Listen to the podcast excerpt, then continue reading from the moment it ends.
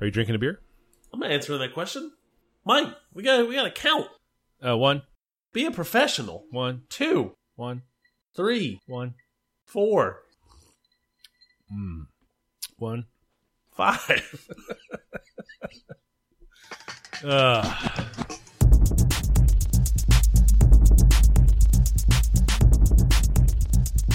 this is the Safe as Milk Podcast, where Adam and I get together twice a month to use bad words to talk about things we like. Hey, Adam, What's up, Mike? you drinking a beer? I am. I am having a uh, Kindred Spirit Headspace. Uh, Kindred Spirit is a new brewery that opened up here in Richmond back in June.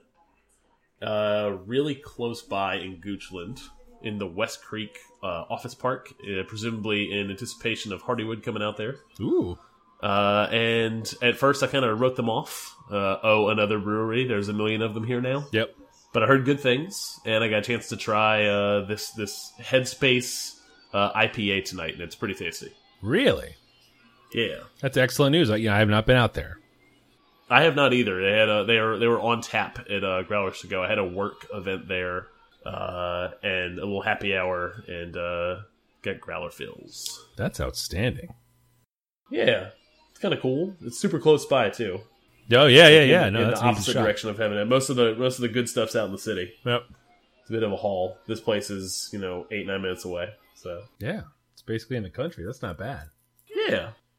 Nice.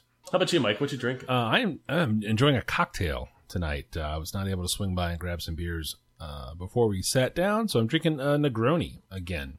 Uh, oh yeah.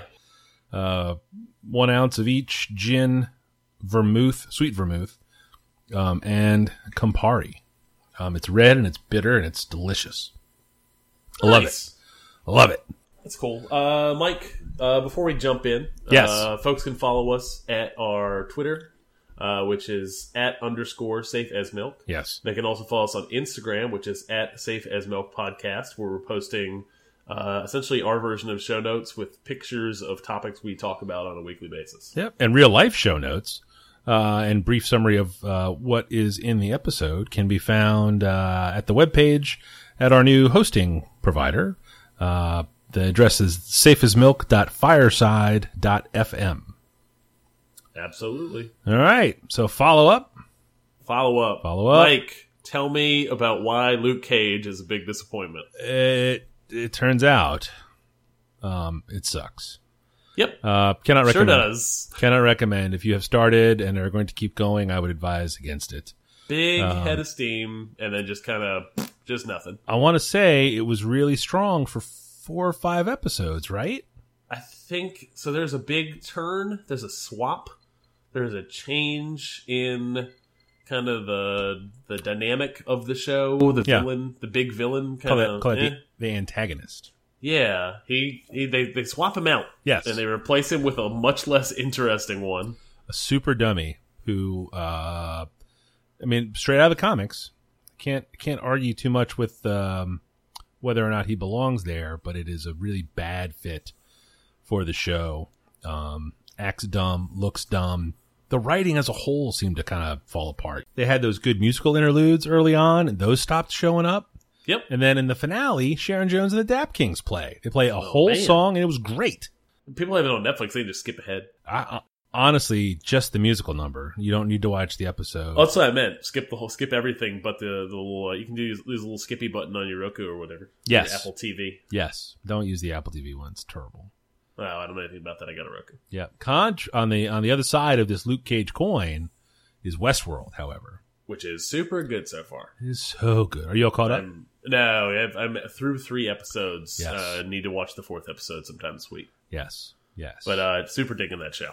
it's really really good we've talked have you i think we've talked um i know um uh, been having conversations about how it really has a lot of sort of mmo ness to it that um is really cool to see i'm you know uh, this is not an update on how much warcraft i'm playing um because i'm still playing it but the um the stuff that they, they keep dropping little little little turns of phrase and hints in there that are that are all still pretty cool.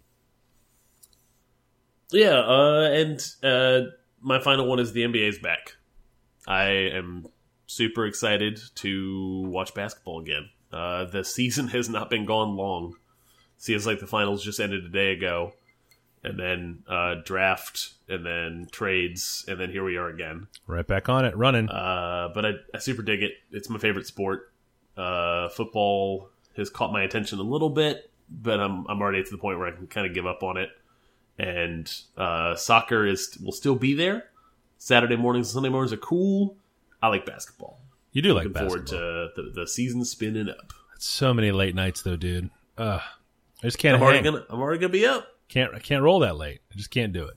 I just can't do it. Um, don't don't spoil now. No spoilers. We don't want to talk about the Knicks score tonight. You know, it's opening night. They're playing the Cavaliers. This one really could go either way. Yeah, Kristaps. Crap snaps, bazingas. That's right. Rose, your You- favorite, your MVP, Joakim. Former- Oh God, forgot that he's on the team now. He'll be super injured in, and Rose will be super injured in like three months. Yeah. All right. Yeah, All right. Uh, but that's fine then. I don't. So I don't have to worry about him for long. yeah, yeah. yeah. Okay. Do you guys have your picks this year? I don't know. I don't follow that stuff. I just like Okay. watching the games. We should probably figure that out soon because you're probably start thinking about it already. About lottery positioning. Yeah, Everything is. That's dude. That's not cool. Didn't they have a pick? This, did they not have a pick this year? I don't remember. I know. follow up I know that whoever was before Phil just gave everything away. He did. Yeah, He did. They probably still had, don't have picks from when Isaiah Thomas was there. uh, probably so. I know the the Melo the initial Melo signing, and then there's the Melo the big Melo paycheck where he didn't go to play for the Bulls Yes. because he doesn't care about winning. He cares about building building a business. Yes. Uh, yeah, basketball. I love it. Great. Uh, you're up first My- this week. Oh no, we have to talk about a theme. You first to tell what me. We're doing a theme this week. Tell me what the theme is. Going. Uh, the theme this week is uh, uh, it's a throwback episode. Not not necessarily. Uh, if if we were in our twenties having this podcast, what things would we recommend? Throwback episode. It's a throwback episode. Yes. So for me, I was 24 in 1996. So my three things are stuff I would have been into and around back then. Yeah, yeah, and um, uh, I'm talking early 2000s for some of my picks here, so not too far away. But man, it's getting getting getting a little long in the tooth over here. It's already 2016, and I'm talking about stuff from 2001. Yeah, it's farther away than you think, pal. Yeah,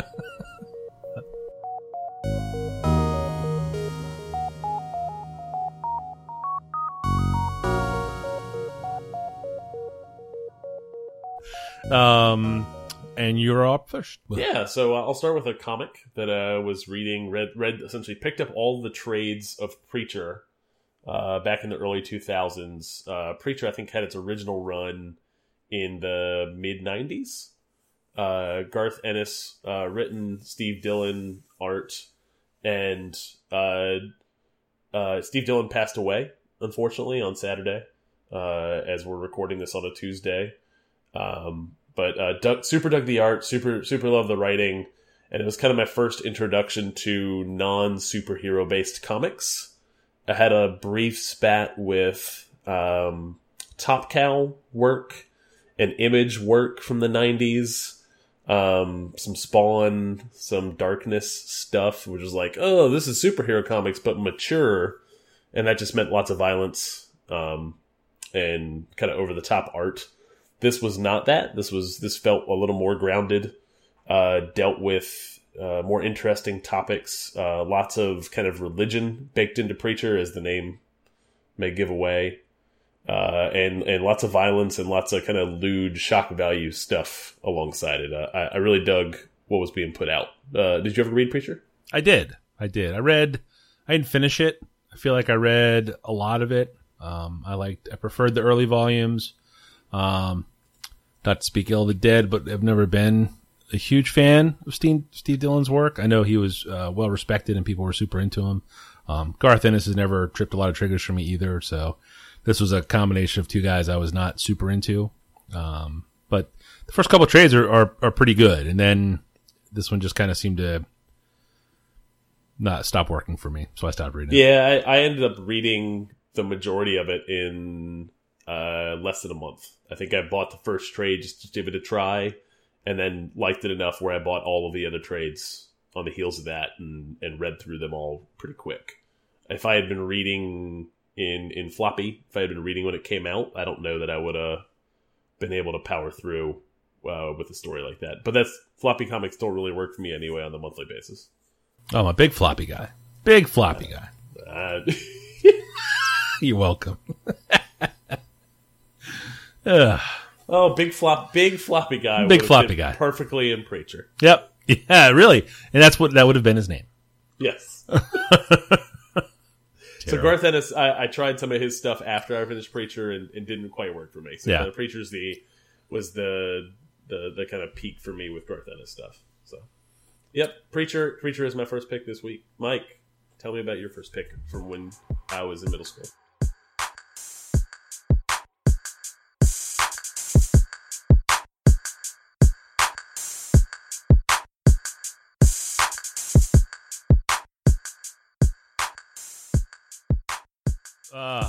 Yes. As a as a young twenty something, uh, with a big interest in music, you could befriend someone at your local music shop, which I tried to do. Um, I was never quite cool enough to get in with that crowd, uh, but there were a lot of magazines about music. This is uh, uh, my number one this week is a magazine called The Big Takeover. Uh, started by Jack Rabid, which is a great punk rock name. Uh, he was a New York punk kid from the 80s who started a zine uh, about a band, and then that expanded into uh, just a zine about music, expanded into a, a proper magazine with glossy covers uh, in the late 80s into 1990. Um, always with the with the idea, the core the core belief that music with heart was what they would write about. Um, to call it exhaustive writing and criticism is a bit of an understatement. You have to imagine this is a magazine that's probably uh, half an inch thick, uh, 200 pages, uh, small typeface, borderline newsprint, reviews and reviews and reviews, uh, albums, reissues, 45s, CD5s, uh, long multi-page, sometimes multi-issue interviews with artists, uh, full transcriptions of, of the whole conversation. Not And this is a monthly. no, no, no. Oh God, no, no. This thing came out three times a year, four times a year, maybe. Oh, okay, I was wondering how you how you jam pack that much content into a monthly. That sounds like a ton of stuff. Yeah, yeah. So you would uh, you would hear about a good record, and then four months later, you would get to read about it in the big takeover.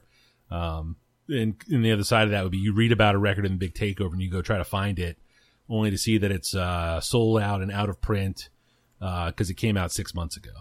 Oh yeah, yeah.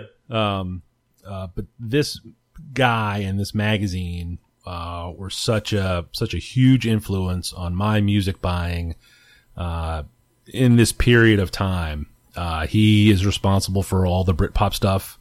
Um, I, I stewed in for all those years. Um, sort of any passing interest in uh, what, what might be called like noise rock or punk rock.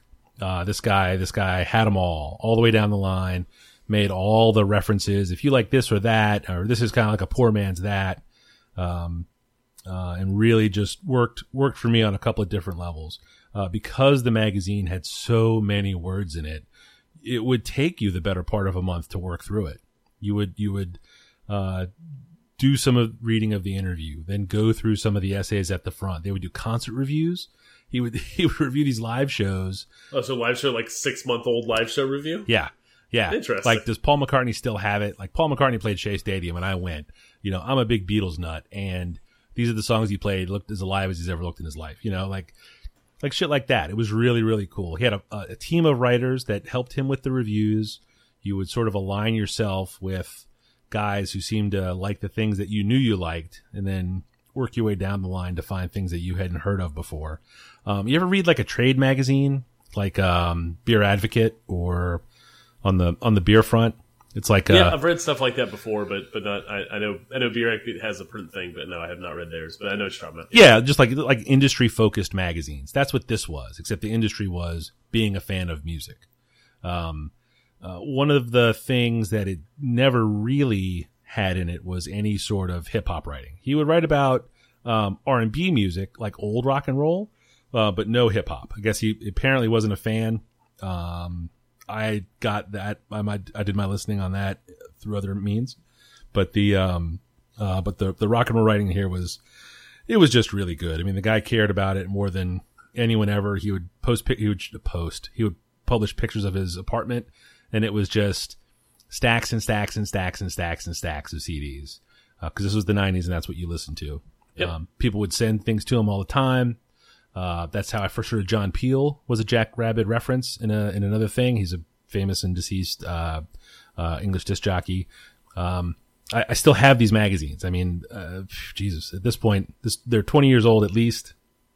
Um, but I still have them around. I don't thumb through them very much anymore just because I've really read them all probably a couple of times by now. But, uh, uh, there's, there's too much in them for me to throw away. So, uh, the big takeover. He has a so, website. Uh, is there a is there a, a band that you've discovered? Like, what's the what's the what's the big band that you discovered through this magazine that you didn't know about prior? Uh, I would say, hmm. Oh, a band called Gene, G E N E. They were uh, a British band, definitely in the Britpop scene, and just outstanding. Like the way that uh, uh, the way that he wrote about them got me super excited about it. And because the records weren't released in the U.S. yet, had to do a lot of digging to find them. And then I didn't find them, but a buddy of mine found them, so I had a tape of it for the longest time. Um, yep. Um, that's that's where I first heard about Coldplay, if you can imagine. Oh. As hmm. this like, uh, they had released an EP in Europe, and he was like, "This this is really great," and it is really great.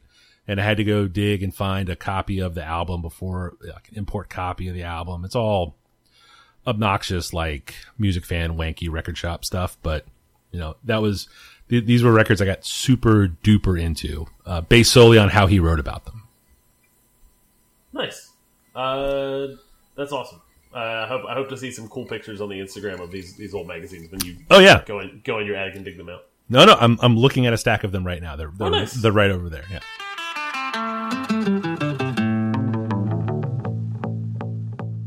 Cool. Uh, my number two this week is the rapper uh, Aesop Rock not to be confused with A$AP Rocky. Uh, Aesop Rock kind of had his moment in the early 2000s, but kind of still continues his career today. Um, I kind of had my discovery of him when I kind of made the transition to uh, Company Flow. Um, was uh, El-P, and I don't remember the other guy. Um, but uh, when El-P kind of left that and, and started up his own thing, Def Jux. Yeah. Uh, signed Aesop Rock on Def Jux. And I kind of started following a lot of the Def Jux uh, stuff. Uh, Aesop Rock was one of my favorites from that set. And his uh, first kind of big album was Labor Days in 2001. And spun the crap out of that CD. Love, love, love that CD. Uh, it was all largely produced by Blockhead um, and still listen to Blockhead to this day. Um, like his his his stuff a lot, um, and and just kind of the the pairing of those two was awesome. And then kind of every album that followed from that never really held up to that Labor Days album. Um, but but still super super liked Aesop then. Can't really get behind him now. I don't think he has changed. I think just my musical interest has changed. Yeah. Um, but it's certainly a thing I would have recommended in my uh, early 20s. I went and saw him live two times at the 930 Club. Uh, saw Blockhead spin uh, at one of those shows. Um, and uh, still, I will still check in with the stuff he drops uh, now. Every time he, every time I see some Aesop news on on Reddit or whatever, I'm still checking in on a new song, on a new album, uh, etc. Uh, still can appreciate what he does, but it's not my uh, preferred style of rapping these days. Yeah. Um, I did not know a ton about Aesop Rock early. Um, there was a good Def Jux sampler that I had seen some things for, and then Bazooka Tooth with the Tomer. I think it's a Tomer Hanuka cover. Always used to catch my eye just because it's um, he's an artist I know. If, if I've got that right, hang on. I don't even know if I've got that right, but the No Jumper Cable song was the first time I heard him and really got into a song. Um, Yeah. it's really good. Um, was the is Stepfather Factory? Is that him too? Is that on one of his other albums? Uh, that sounds familiar. I don't. I don't recall. Because there was a I'm terrible to remember that kind of stuff. video for it, I think.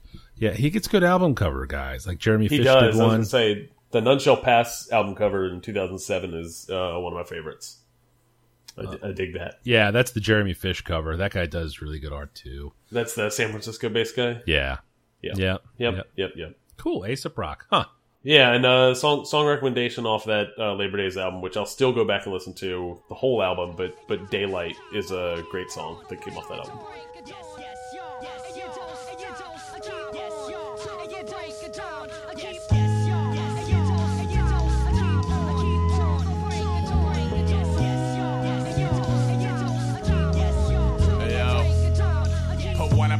Me, not clean logic procreation. I did not invent the wheel, I was the crooked spoke adjacent. While the triple sixers lassos keep angels roped in the basement. I walk the block with a halo and a stick, poking your patience. Y'all catch a 30 second flash visual. Dirty cooperative net platoon, plume head trip split ridiculous. Fathom the splicing of first generation. Fuck up what trickle down any hero smack. Cracking. I paced me game for zero hour completion, green slash. Duke of early retirement, pick a dream. American nightmare hogging the screen. The door open so you Uh, my number two this week is a movie uh, from 1994, but I didn't see it then. I saw it later, uh, called Shallow Grave, uh, directed by Danny Boyle and starring a very young Ewan McGregor. It's a Hitchcocky kind of black comedy, uh, very British, uh, produced, you know, in the whatever the national movie production thing is. Small film, handful of characters. Um, uh, it was a, a girl I knew at the time was like, you got to see this movie. Uh, went over, watched it, uh, kind of mind blown, you know, as a, as a young person who had, who had seen a lot of movies, but not all of them. And certainly nothing like this. It's a, uh, it is a, a, clever and sharp ride. Um, they call it Hitchcockian because there are some clever twists and turns. Um, it doesn't end like you think it's going to end. And it's a, uh, it was a good example of a movie that was uh, at the time cool and foreign, um, but not foreign language. It was in English, um, but you couldn't go just to Blockbuster and get it. You had to go to a like a small video store, which was a thing that we used to do in the '90s. Um, shout out here to the Video Fan was a was a great independent and a probably well stocked video store here in the Did city. they, did they stay open? Was that the no, the, the- they. I think they Okay. closed. wasn't there a thing to like help raise money to keep them in business? I think there was a thing to buy their stuff. Oh, okay. I, mean, thought they it was to have, uh, like, I regular saw some, some sales. stuff on social media to try to keep them in business, keep them going. Oh no, it appears that they are open. Huh? Yeah, yeah. yeah that, I think that's what there was like a campaign this spring. Uh, on that's all like on Facebook and Twitter, local local stuff of people trying to get them to to keep running. Well, how about that? That I guess that. Well, I mean, I can't remember the last time I rented a movie, in like a physical movie. I was Um, sad. We rent movies all the time on on demand and other. other Yeah. ways. Yeah. Um, but they're used to, but e- even then, I bet there are a lot of things there right now that would be great to rent that you couldn't find anywhere online. That's kind of the problem, actually. Like if you try to go rent old stuff, it's kind of hard to find it now. Yep. Yep. It's, it's really, it's really tough. And there are posts all the time on, uh, all over the place really about what's coming on to Netflix this month and what's going off of Netflix. So it's not Yeah. even like individual rentals. Like if you want to, if there's a movie you want to watch, you might not really be able to do it. I've, I've been trying to dig up old movies for the kids, like movies I enjoyed, Uh huh. um, just to let's hey, let's go watch this. Yeah. uh, kind of difficult, like Yeah. not super easy with the streaming services or even your red boxes. Like, there's not a lot of old like you could go to a blockbuster and go or a Hollywood Video or a local place like Video Fan and just kind of go digging through the old VHS stuff when we were younger. Yep. It's not doesn't exist anymore. No. I mean, I guess it does though at the video fan. Uh, fair, fair. I should if eh, no, I'm not going down there. I Yep. just want to rent stuff. I don't want to buy it. Yeah, exactly, exactly. But uh, but but Shallow Grave, uh, great little movie, uh, fun and small and exciting uh, and funny, um, and and just dark enough to for it to be a cool thing. nice. Do you know if it's on a streaming service? Uh, I didn't even look, honestly. Damn it. No, if I would, if this was 1996, I wouldn't have any idea what you meant by that. Fair point. Oh, I didn't realize we were just leaning into this It's ruse. it's a throwback episode. okay. I'm leaning into this Negroni. I'll tell you that.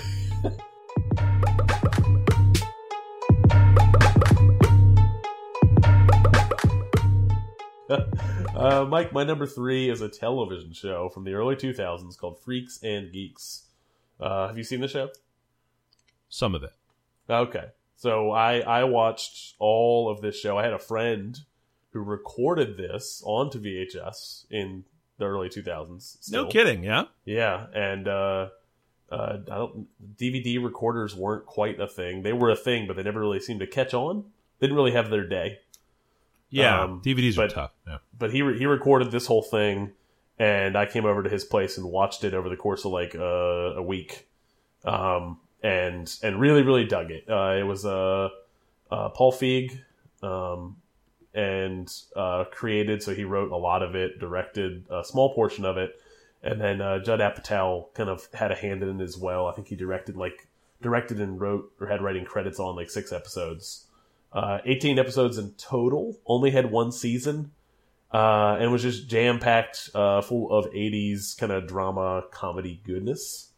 Uh, really dug the comedy. The drama was great as well, and kind of starred uh, some some some young actors that are. I guess they're not having their moment now. Their moment seems to may have passed, but like James Franco and Seth Rogen and Jason Segel were all incredibly young in this show. Like they look like they look the part of high schoolers Yeah. um, and that's where this thing is based. Essentially, it's an '80s high school uh, show, and it's it's in its title, Freaks and Geeks. It follows kind of two bands of groups, uh, a bunch of geeky, nerdy kids who play D and D, uh, and the freaks, uh, kind of the outsiders, the punk rockers, the uh, wastoids, the folks that don't care about school, and kind of um, this family's uh, transition. Their two children kind of transitioning into these two groups in their new high school.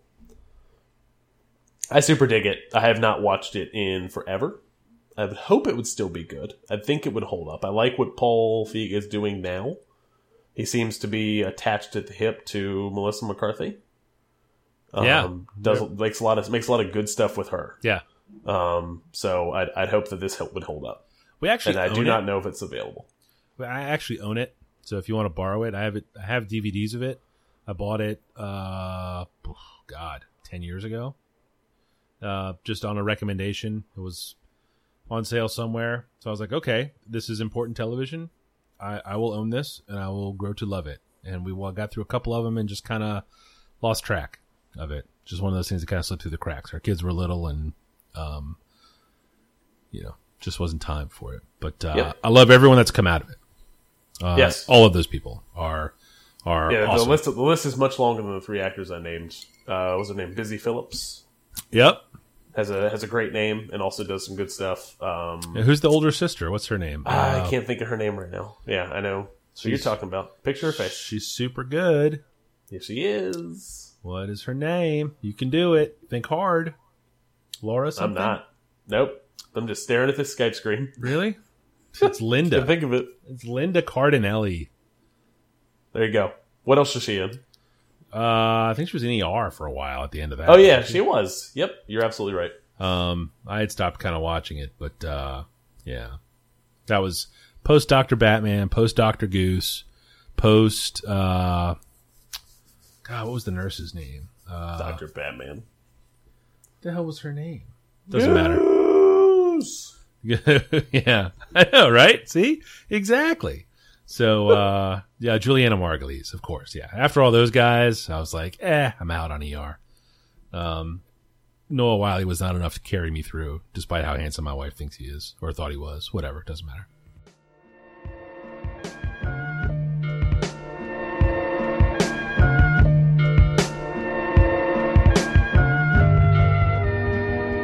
Um, my number three this week is a comic book uh, called Bone, uh, self-published by Jeff Smith uh, in the '90s and through into I think the very early 2000s, um, about a uh, small group of adventurers. Really, I guess would be the the best way to describe it.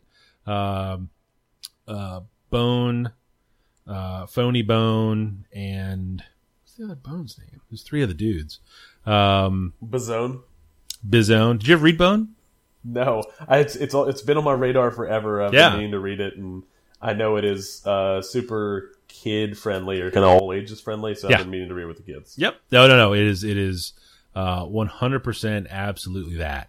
It is a. Uh, starts off as a very small and very charming story about uh, three characters that end up lost somewhere, um, and then end up on the run for various uh, hijinks related reasons. The uh, you ever heard of Walt Kelly's Pogo?